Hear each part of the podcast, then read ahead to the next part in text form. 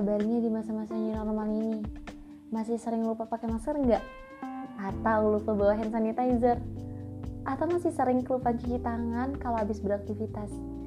Semangat untuk beradaptasinya teman-teman.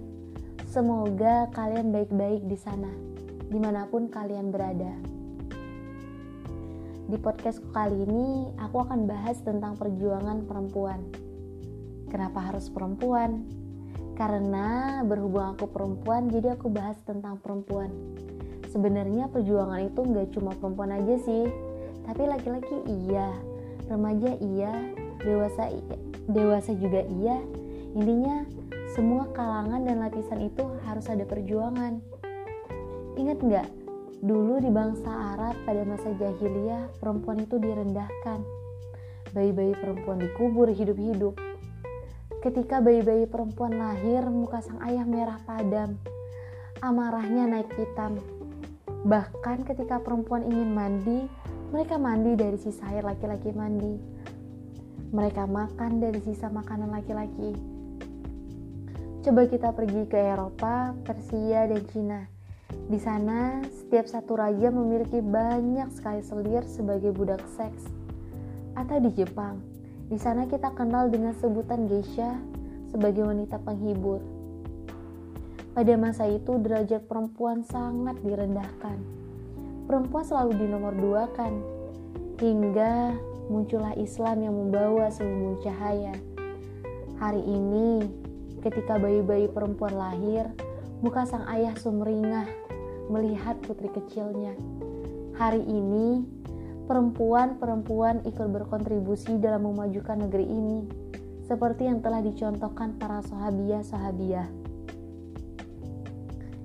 Ketika sebuah kalimat yang amatlah menyakitkan, kalaulah kesialan itu ada, maka terdapat dari wanita, rumah, atau binatang tunggangan.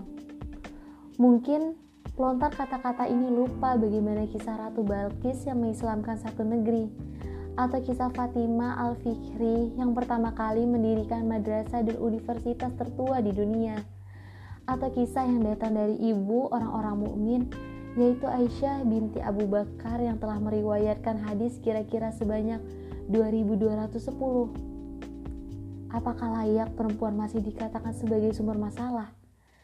Atau masihkah layak perempuan masih dikatakan tidak bisa apa-apa? Bahkan sadar tidak sadar, perempuan adalah sebagai penentu baik buruknya generasi. Bagaimana tidak, perempuan yang menjadi madrasah pertama untuk anak-anaknya. Maka dari itu kita harus membranding diri kita sebagai perempuan. Karena apa? Baik buruknya generasi ditentukan dari seorang perempuan. Perempuan tidaklah hanya berkutit pada kasur, sumur, dan dapur, namun perempuan lebih dari itu. Maka dari itu, perempuan haruslah menuntut ilmu.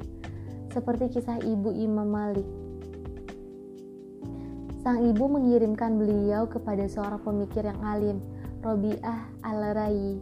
Dialah yang telah memberi pengaruh besar dalam membentuk kepribadian dan keilmuan Imam Malik. Selain lingkungan Madinah yang kondusif untuk menuntut ilmu, sang ibu menjadi faktor terpenting dalam mengembangkan keilmuan Malik sehingga menjadi imam yang besar. Ibu Imam Malik adalah orang yang paling berperan dalam memotivasi dan membimbingnya untuk memperoleh ilmu. Tidak hanya memilihkan guru-guru yang terbaik, sang ibu juga mengajarkan anaknya adab dalam belajar Ibunya selalu memakaikan pakaian terbaik dan merapikan imamah anaknya saat hendak pergi belajar. Ibunya mengatakan, Pergilah kepada Robiah, contohlah ahlaknya sebelum engkau mengambil ilmu darinya. Begitulah salah satu contoh bagaimana perempuan seorang perempuan peran seorang perempuan untuk membentuk sebuah generasi dari rahim-rahim perempuan yang luar biasa, melahirkan generasi-generasi pembangun emas. Untuk perempuan-perempuan di seluruh dunia, di mana pun kalian berada, teruslah berproses dan bermimpi, agar kita semua dapat ciptakan generasi emas. Semangat untuk kita semua para perempuan yang ada di dunia.